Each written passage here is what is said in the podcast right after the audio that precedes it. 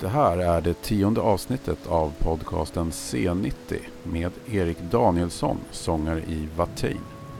2018 är det 20-årsjubileum för black metal-bandet som inleder firandet med att släppa ett nytt album.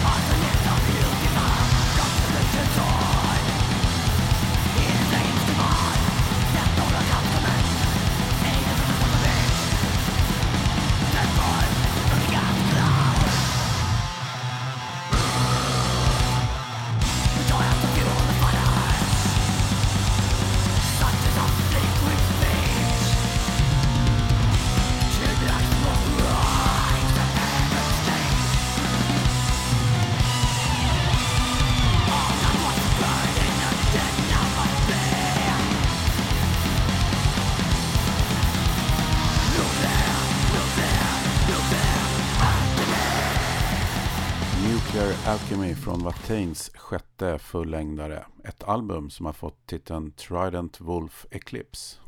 Ett speciell titel även i liksom Batain sammanhang. Den är jävligt... Eh, den är inte liksom särskilt... Den pekar ju inte rå definitivt mot liksom en... Eh, alltså som The Wild Hunt, där ser du ju nästan någonting framför dig liksom. Eh, det är ju en ganska, det är en konkret sak man beskriver med de orden liksom. Eh, Sworn to the Dark är också väldigt mycket så liksom. Det är också en ganska konkret titel liksom.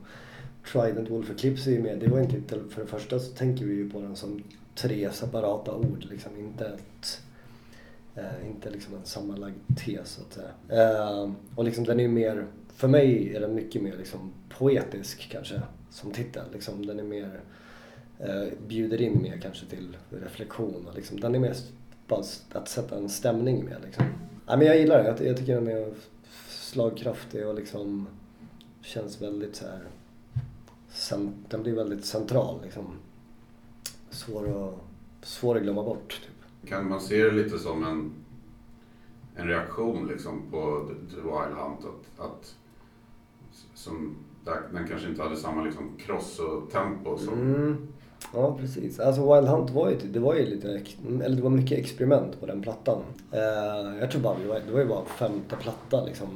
Eh, och vi hade, vi var väl mest bara sugna på att prova lite allt möjligt. Vi, alltså jag menar vi är ju verkligen ett black metal-band i grund och botten och liksom som eh, våran egen musiksmak är ju också väldigt mycket där, eller i metal i allmänhet kan man väl snarare säga. Men Men sen lyssnar vi även jävligt mycket på liksom fan vet jag, Nick Cave och Fields of the Nephilim och du vet sådana ja. liksom mer mörka, suggestiva grejer. Så att för mig var det nog mer, det var bara en tidsfråga innan vi skulle utforska den delen av vår egen musiksmak lite mer i Watain liksom. Det var ju typ det som hände på Wild Hunt i typ två, tre av låtarna kanske.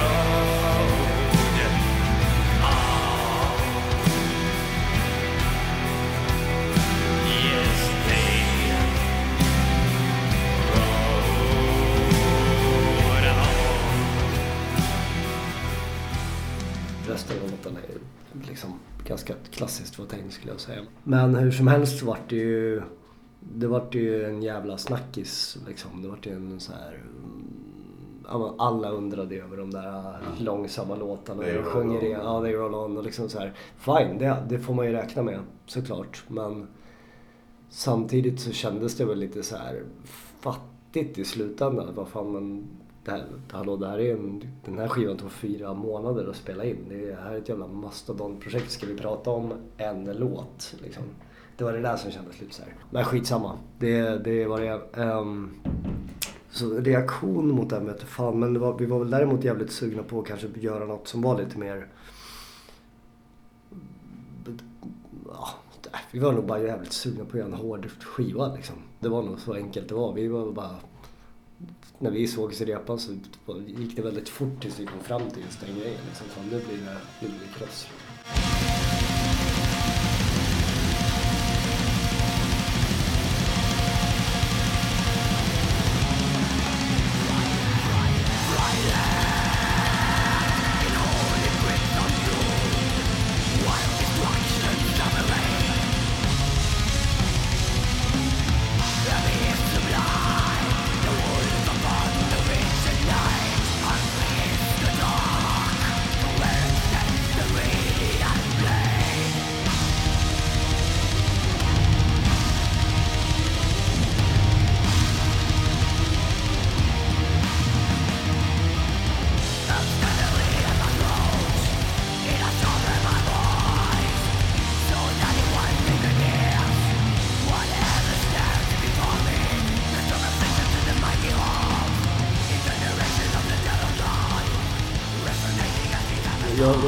Alltså, jag var tvungen att försöka tänka ut just den grejen. Liksom. Det är så mycket nu när man har börjat göra intervjuer och liksom fundera mer på de här grejerna. Men det är alltid svårt att liksom pinpointa typ varför, varför liksom det kreativa uttrycket blir som det blir. Det är, det är en rätt luddig historia egentligen. Liksom.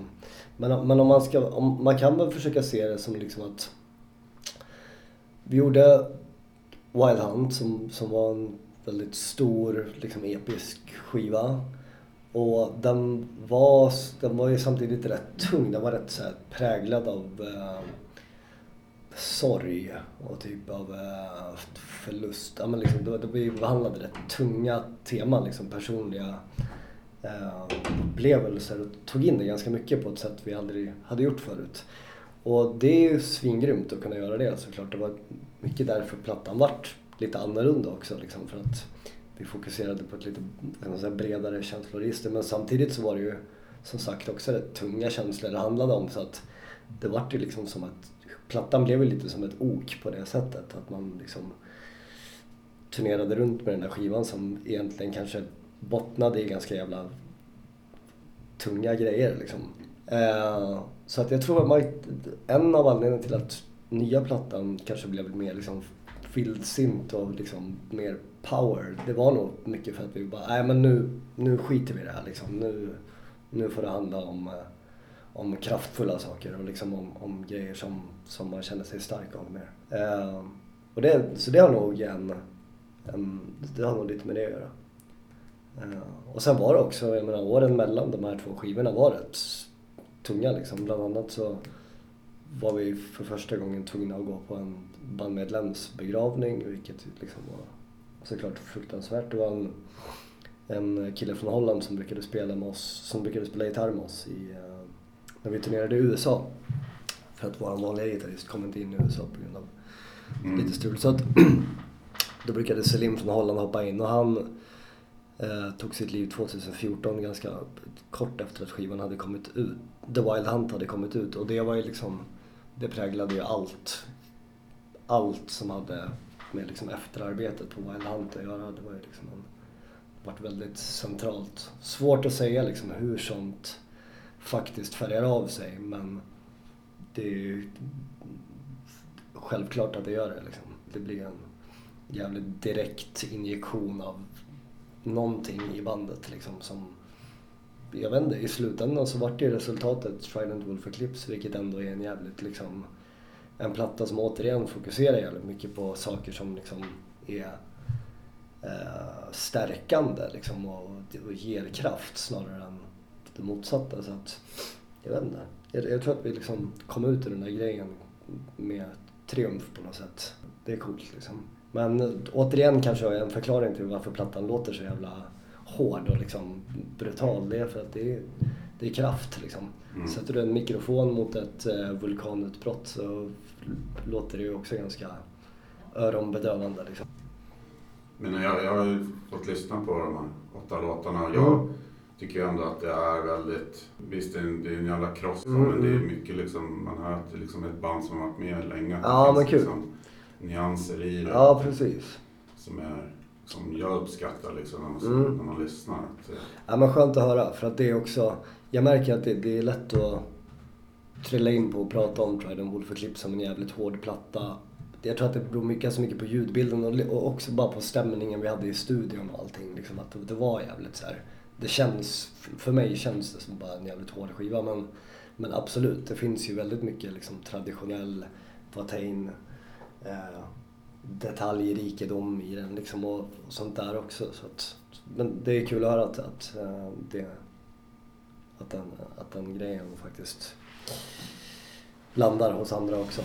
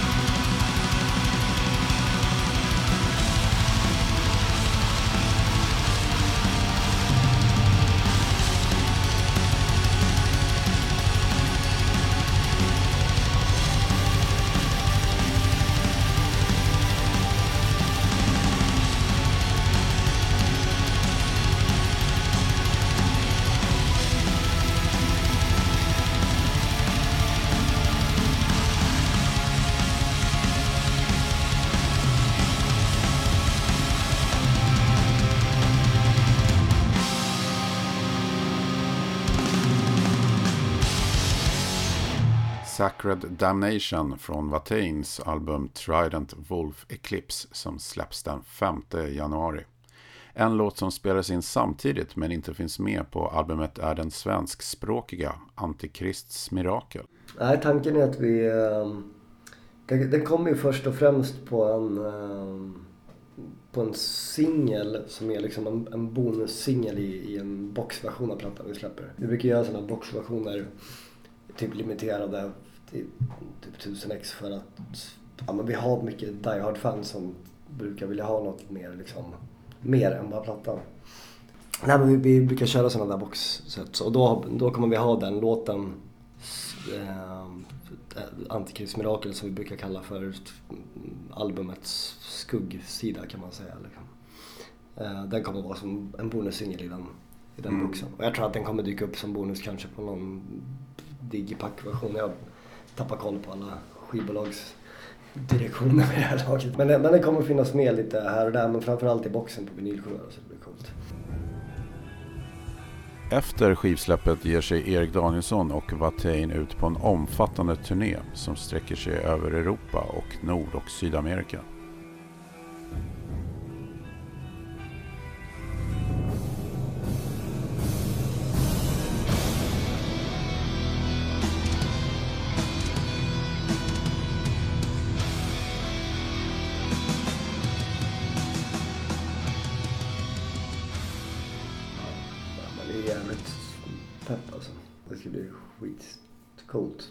Nu har vi precis börjat repa ordentligt liksom inför, inför gigen. Vi bor ju lite utspritt. Vår eh, basist som från början är från Chile, han bor nu i Hamburg.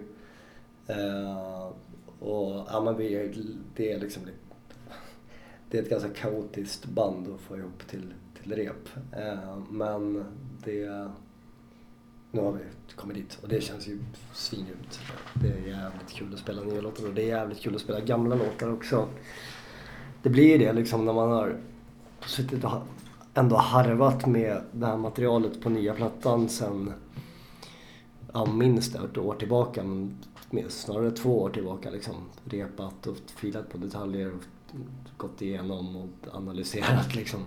Så jag märkte det när vi gick in i repan att jävligt coolt såklart att spela nya låtar hela bandet men fan vad grymt att ha fem gamla plattor och välja låtar ifrån också. Liksom. Det är coolt att kunna sätta ihop en setlist av, liksom, jag vet inte vad det är nu, 60-70 låtar nästan. Vissa så kallat lyxproblem att välja. Ja, men precis. Det är, det är fan ett lyxproblem. Verkligen. Men äh, så det är väl lite där vi är nu. Håller på att bara sätta ihop en setlist som känns cool. Där. Jag såg att det var rätt så späckat schema där i USA. Oh, Vändan där. Mm. Hur, eh, hur, eh, hur ska ni orka liksom? Alltså det, ja precis, den är väl fem, sex veckor den där turnén. Men alltså det är ju, man ska liksom... Man, dels får man komma ihåg att vi, vi har turnerat jävligt mycket. Liksom. De, de jobbigaste turnéerna man gör, det är ju de första större turnéerna man gör. För att de sker ju oftast... Dels sker de oftast under lite sämre omständigheter. Liksom. Man kanske får liksom, budgeten tillåter ännu mindre än vad den kanske gör nu. I form av typ att, ja, men, obekvämare liksom, bussar eller, ja men du vet. Eh, och sen också att de första turnéerna man gör är man jävligt, du vet. Eh, det, blir, det blir jävligt mycket fest liksom. Eh, och det blir väldigt mycket kaos för att det var så coolt att vara på turné de där första gångerna. Nu är det ju faktiskt liksom efter 20 års tid så blir det ju lite mer fokus på att fan hålla sig i skinnet typ och, och göra det man ska. Det alla vill, eller anledningen till att man åker på turné är ju faktiskt för att få lira ihop på en scen. Liksom. Det är ju faktiskt det som är primära. Så att jag tror man har lärt sig nu att liksom orka med det där och, och få till det. Um, på ett annat sätt än man gjorde när man var 22 liksom. Och allt bara var party. Men... Um, det höll väl på att gå illa där en sväng var i USA? När ja, alltså en sväng.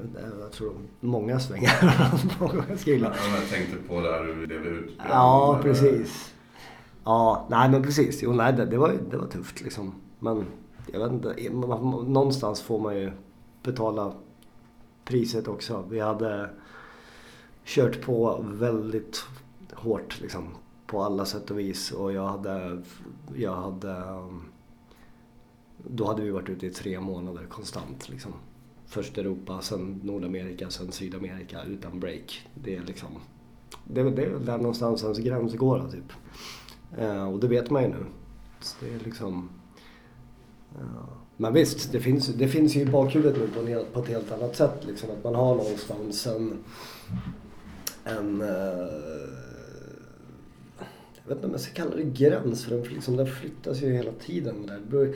Det är med att man, man måste ha i åtanke att det här är liksom inte en grej som man klarar av liksom, av sig självt. Utan det är någon, man måste ju... Man får ju anstränga sig för att det ska funka. Liksom. Det är väl det. Man kan inte bara liksom, flyta med i den här kaosvågen och tro att det ska funka i all evighet utan det gäller liksom att styra skeppet lite liksom. Men i USA, hur pass, från vilken nivå är det där? Är det att ni kör liksom buss eller är det så att ni kan stanna och bo på hotell? Nej, nej, nej, vi kör buss hela tiden. Vi bor ja. på bussen. Men det är schysst, jag älskar den grejen liksom. Det är så jävla grymma resor också man gör i USA. Mycket långa sträckor liksom. Det blir mycket tid i bussen när man bara kan sitta och blicka ut liksom. Uh, och det, jag älskar den grejen alltså. Uh, just kontrasten, den kontrasten liksom, det är ju typ, det är en av de liksom, när man sitter i en buss på en långresa genom någon USA-prärie någonstans, det är liksom en av de lugnaste, mest så här, det blir ju ett, ett, ett ganska så här högtidligt lugn på något sätt liksom. Och så tar man det i kontrast till vad man gör senare på kvällen när man bara exploderar på en scen i blod och eld. Liksom. Det, en, det, blir en jävligt cool kontrast. Som båda, båda de grejerna gynnar varandra. Liksom. Och, ja, det är svårt att inte, svårt att inte tycka om. Liksom.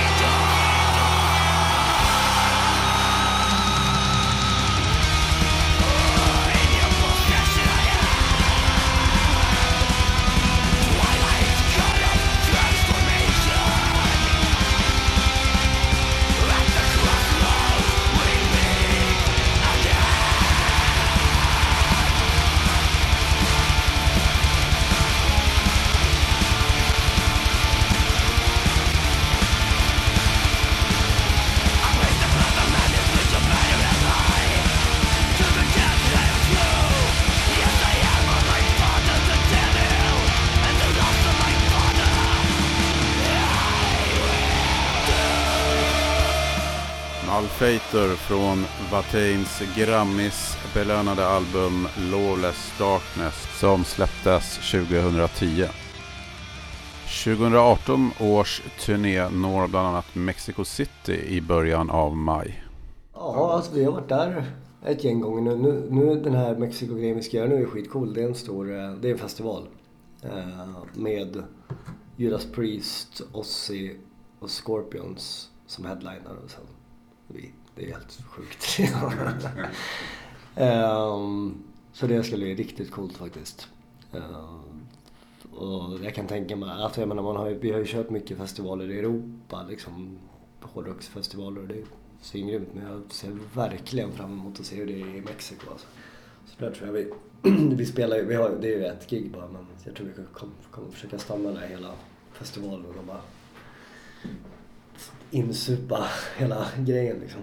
Ja. men man har ju förstått att sydamerikansk hårdrockspublik är mm. speciell. Ja men det, det, det är verkligen så.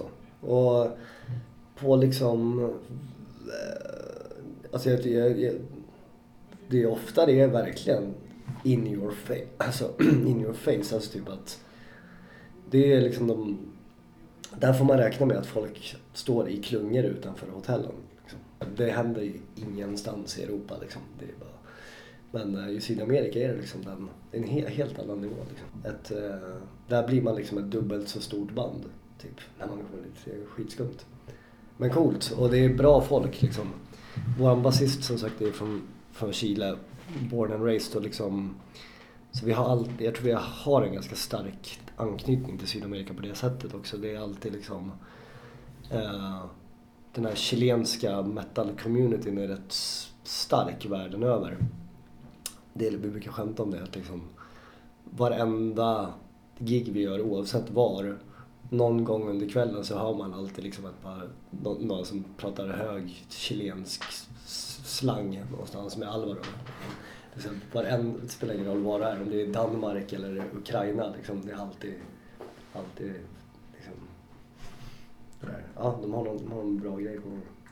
Även black metal är ganska stort där. Liksom. Mm. Precis, och sen är det, det, är lite, det är lite mer... Jag får en känsla av att liksom folk går på metalspelningar lite mer... Eh, de, alltså de har ju inte kanske samma urval av, av spelningar som, som, man, som vi har här såklart. Så att, eh, som det är såklart, det är krångligare att ta sig över och liksom turnéuppläggen i Sydamerika är fortfarande rätt oklara. Liksom. Det finns inga liksom, eh, jätteordnade förhållanden som man turnerar i. Vilket jag, det är det som är kul med att turnera där också. Det blir jävligt äventyrligt. Men, eh, nej, men så jag, tror, jag tror att det blir mycket att folk skiter liksom i om det är en black metal-konsert eller en heavy metal-konsert. Jag tror att de, det känns som att, att de går i vilket fall typ. Ehm, och så tycker jag att det kanske borde vara lite mer. Fan, är man hårdrockare så är man liksom. Men det känns ju som att klassisk hårdrock, det är på något sätt, eller så i alla fall upplever jag det som att det, det, det, det är inte så stora skillnader egentligen som man kan tro. Nej, nej visst. Alltså vi har jag har ju alltid liksom understrukit att jag menar, för oss är ju ett band som eh, Black Sabbath eller Dio precis lika viktiga som Darkthrone eller Mayhem. Liksom. Det, är, det är jävligt viktigt att, att folk hajar det om de verkligen vill, vill förstå Watain. Liksom. Uh, för den där metal-traditionen är liksom... Jag tycker att den går i rakt led från liksom tidig, till och med 70-talet, alltså från Mountain fram till liksom uh, Bathory. Liksom, jag, jag, kan se en röd tråd hela vägen.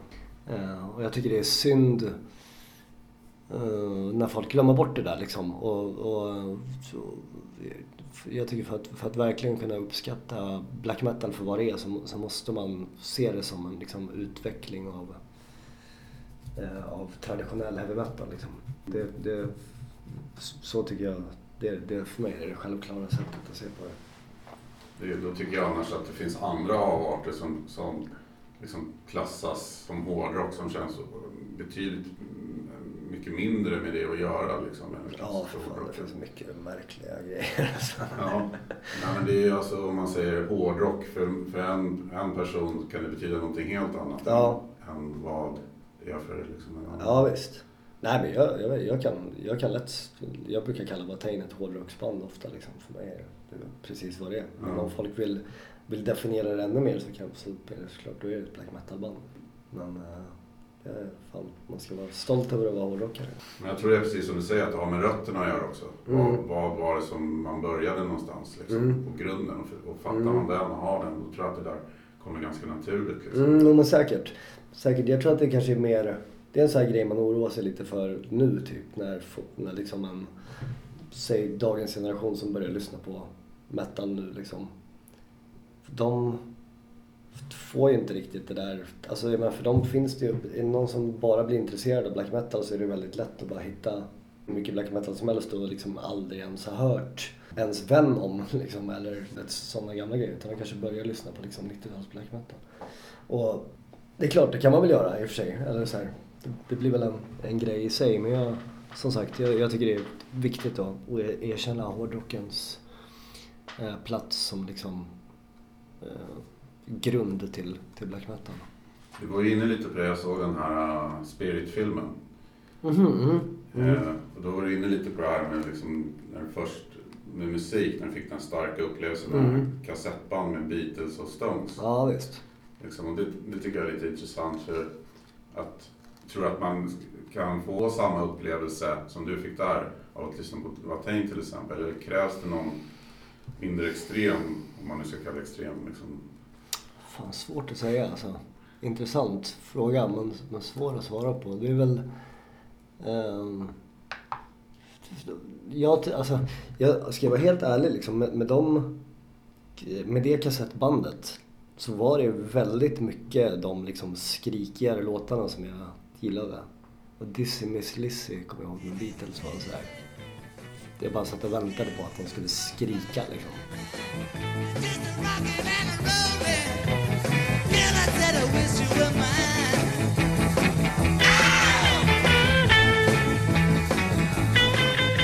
Det, det, var ju, det var ju någonstans var det, det var ju inte bara att det var liksom melodiös, jävligt välspelad, bra rock. Utan, utan det var ju också det där, det var faktiskt lite den noisiga man, man drogs till också. Trots att man var så jävla ung liksom.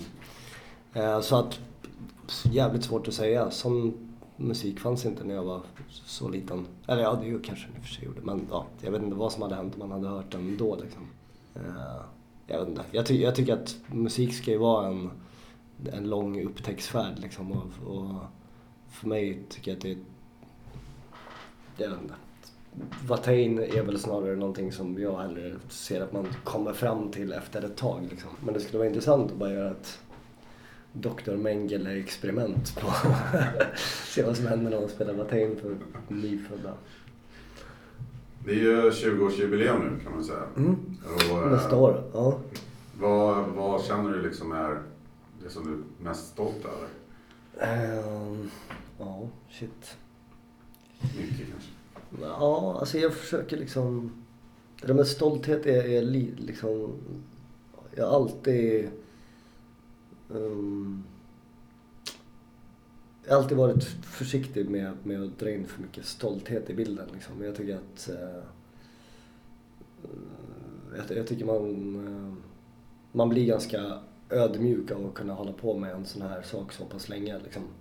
I alla fall jag. jag så här, Eh, jag är inte så mycket en sån här dunka mig för bröstet person så liksom.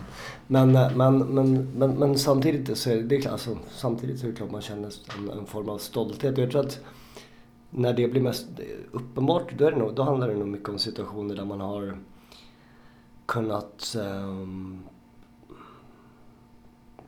Ja, dels när man, när man har fått jobba med folk som, som man har uh, du vet, sett upp till som liksom idoler när man var liten. Sånt har jag gjort jävligt mycket. Vi hade bland annat en lång, flera år där vi jobbade jävligt nära ett band som heter Dissection. Eh, som, eh, som liksom var väldigt betydelsefulla då. eh, när vi startade bandet och vart ännu mer betydelsefulla sen när vi väl lärde känna varandra och arbetade ihop. Liksom.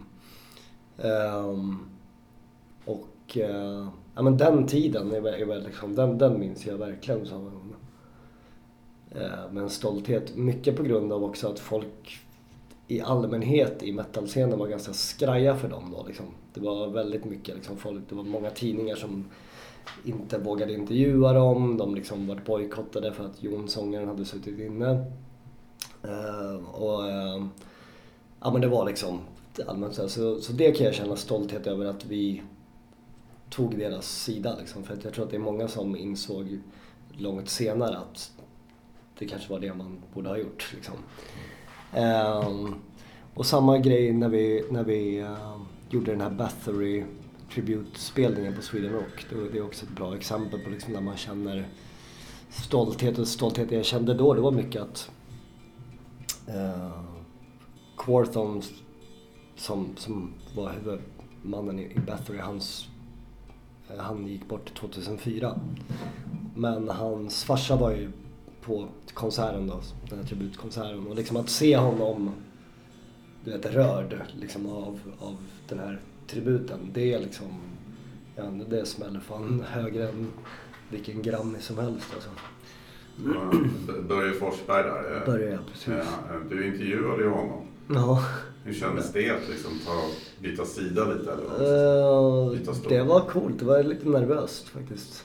Eh, det var så jävla mycket man ville fråga om. Samtidigt så, så ehm, visste jag ju att det var, jag menar, det var ju hans son som hade gått bort liksom. Det är klart, det är, det är inte helt, man stövlar inte bara in och frågar om vad som helst liksom. Och jag vet att han gjorde ju inte många intervjuer heller så att jag fattade ju att det var inte ett känsligt ämne så. Eh, det värsta var ju att jag gjorde intervjun, det var väl en halv, ja 45 minuter, nästan en timme var det. Skitbra intervju. Eh, och han bara avslutar liksom med att säga bara, men fan det här, det här kändes skitbra liksom, för han var skönt så här, för han, han hade varit lite skeptisk innan. Så lägger vi på luren, då har jag väl spelat in på datorn liksom. Jag ska väl med darrande händer spara ner filen och gör ju fel så att hela intervjun bara försvinner. Ja, fy fan. Usch! Så att ehm, det var ett dygns bara rå ångest och sen så ehm, tog jag mod till mig och ringde upp och bara sa som det var liksom. Du, eh, nu, vi, vi får göra om det här liksom. Och det gjorde vi. Han, vi gjorde om den och det var skitbra, skitbra ändå. Men fy fan, det var inte kul alltså. Men känd, ibland kan ju nästan bli bättre. Jag har ju också gjort en del sådana missar. Ja. Intervjuer. Nej, den första var bättre i det här fallet alltså. Faktiskt.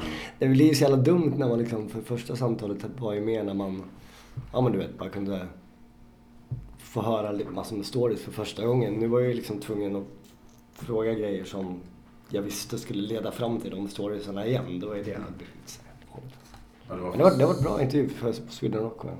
Du, du gör ju omslagen och du är Mm. konstnär och gör affischer Ja, och, och sånt. Eh, Det är ju ganska, kanske inte unikt, men det är ganska ovanligt att man gör så pass mycket som Mm. Tänk på Nicke Andersson är ju lite Ja, jag samma- skulle säga, ja precis. samma.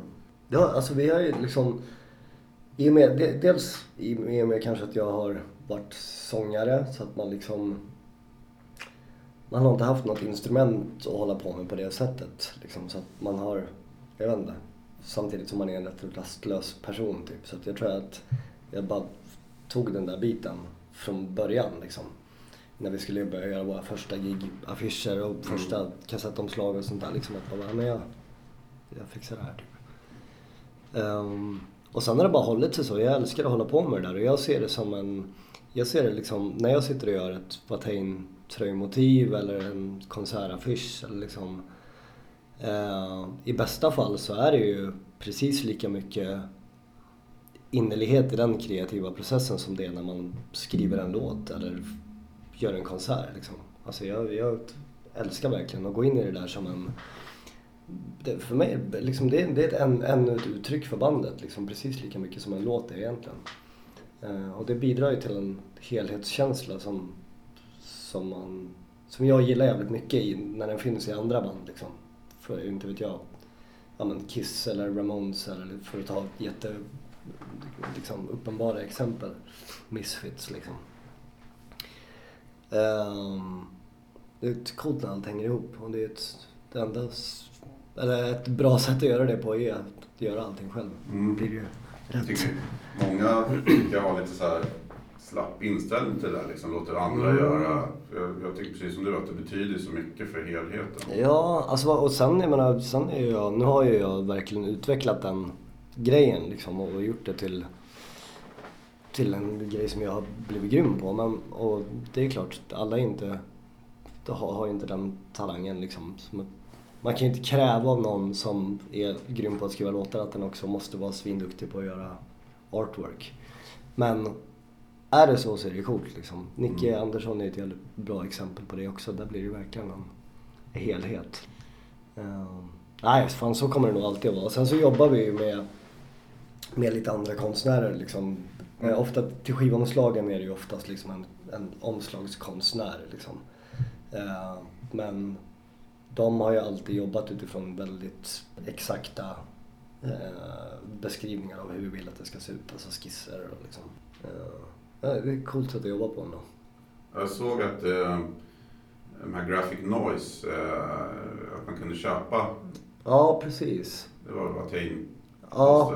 Det tog ju precis. slut direkt liksom. Ja, de var populära de där. De var, de var jävligt bra faktiskt. Jag tryckte dem i, i Uppsala på så här screen. Tyckeri.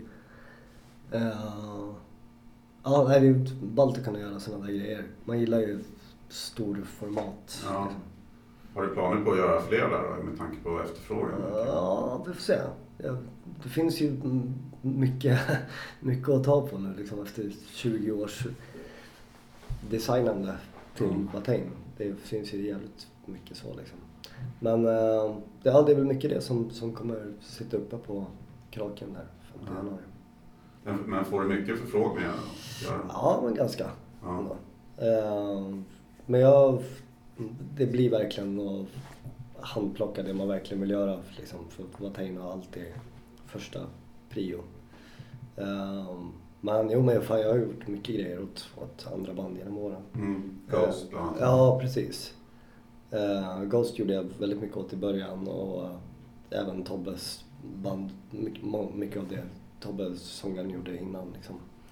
Eh, han är, det är också en snubbe som är jävligt grym på att få ihop en helhet liksom.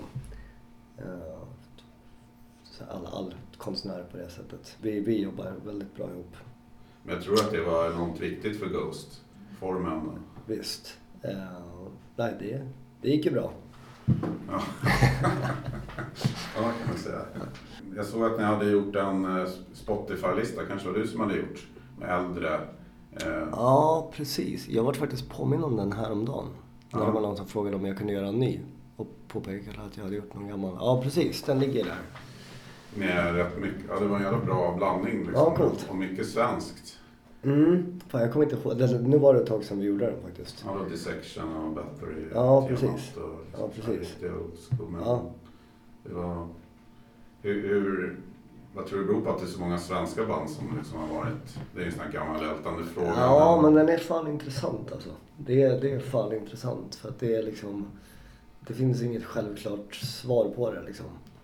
Jag... Det finns, alltså jag menar, folk har ju pratat om allt från liksom... Ja men du vet, kommunala musikskolor och du vet, bra... Eh, du vet, politiskt upplägg mer liksom.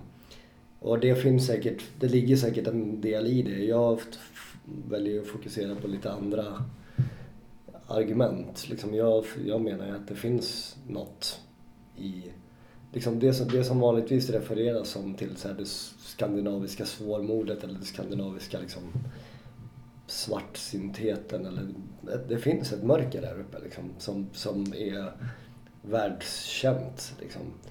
Och jag tror att medan många svenska artister kanske har utgått ifrån att liksom sprida ljus i det mörkret så finns det även de som liksom har valt att utforska det istället och gått djupare in i det. Och det blir ju, det finns ju någonting väldigt kreativt i det där. Det, finns, det blir ju uppenbarligen någonting väldigt myllrigt av det liksom. Jag menar kolla på liksom, den svenska metalscenen när den, när det verkligen började ta fart där i början av 90-talet. Slutet av 80, början av 90 liksom. Alla band, det var inget band som lät som, eller ja det fanns- många kopior också men liksom om man jämförde Entombed, Dismember, Tiamat, Grotesque, Bathory, Mephisto, liksom alla de banden var ändå, de körde verkligen sin egen grej. Sen hade de jävligt mycket gemensamt också men det, är, det finns en mångfald i det där som är jävligt cool liksom. Och sen har du band som liksom Candlemass och Heavy Load och ja, men till och med Europe liksom. Det är så här, det, det finns ju en jävla bredd. Det är skitcoolt. Äh, det ska man fan vara stolt över alltså, att det, att det finns så jävla mycket bra band från, från Sverige. Och jag tycker att det är coolt att också att liksom i black metal-sammanhang att så här, det pratas ju väldigt mycket om Norge hela tiden liksom, på grund av allting som hände där i början av 90-talet. Men jag tycker det är coolt att liksom vet, när synar man det väl i sömmarna då är det ju faktiskt Sverige som, som var ledande även då. Sen fanns det två, tre band därifrån som, från Norge som var jävligt viktiga men liksom ser man på mängd och kvalitet liksom, då är det fan, där, då är, står ju Sverige med fanan högt alltså. Vi märker det nu när vi, på skivbolaget vi ligger, liksom de har, de har ju signat typ de flesta stora svenska death black metal banden nu. De har väl Dark Funeral och Marduk och vad vet jag vad det är mer, Tribulation och liksom, ja, man har jävligt mycket svenska band. Century, ja. Ja, Century Media, ja precis.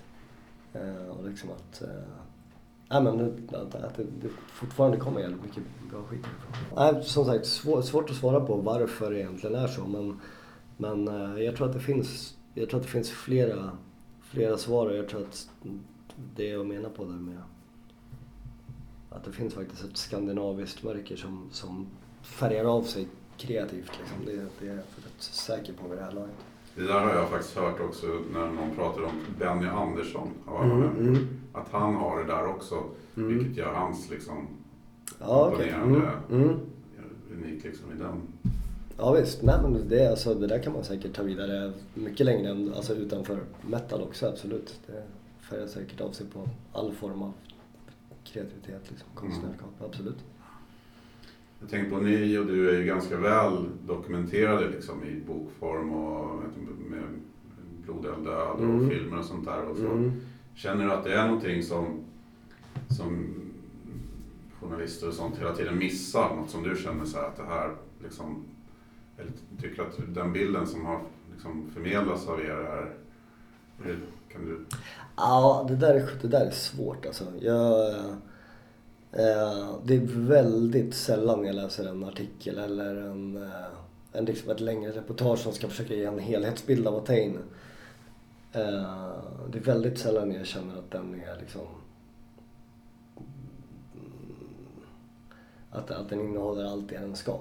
Liksom. Och jag tycker ofta, och det är väl liksom ett sätt att göra journalistik på är väl liksom att ofta understryka det som är som sticker ut och som är liksom lite häpnadsväckande och sensationellt. Så att, och det, liksom, det får man väl någonstans räkna med. Det kan man ju inte sitta och gnälla om som artist heller. Speciellt inte när man spelar i ett band som Watain. Det är klart fan folk kommer skriva om sådana saker liksom.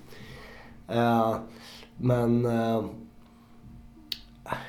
det, det jag kan känna mest det är väl att eh, jag, jag har egentligen inga problem med liksom att Watain i sig blir ett, ett konstverk som, som går att tolkas på lite alla möjliga sätt och liksom folk får ha sitt eget intryck av Watain. De, får liksom, de kan tro vad de vill, det gör inget om det går de grövsta ryktena som går, jag bryr mig inte. Liksom.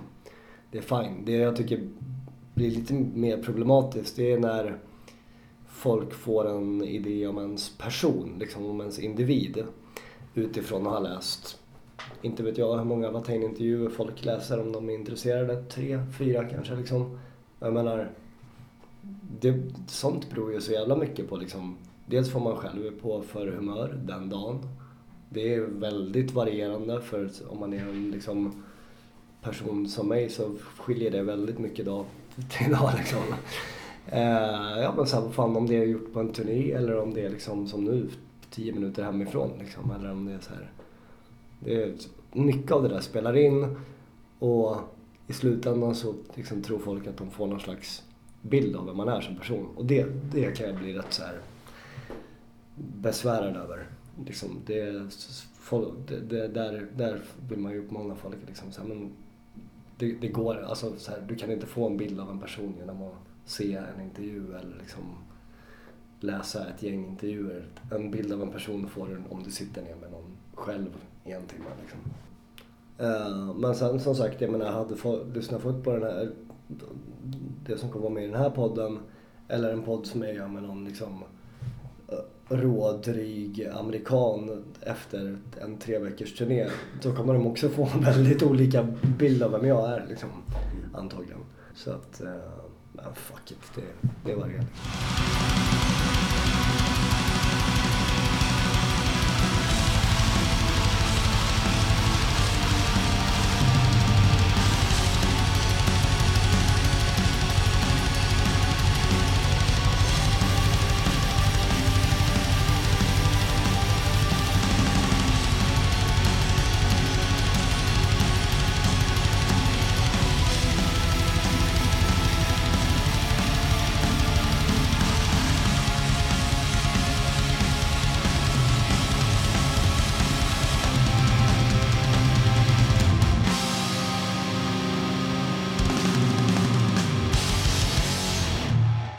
Sacred Damnation från Watains nya skiva Trident Wolf Eclipse som släpps den 5 januari. Du har lyssnat på C90-podden med Erik Danielsson från Watain och jag heter David Bogerius. Följ C90-podden på Facebook och Instagram. Vi hörs!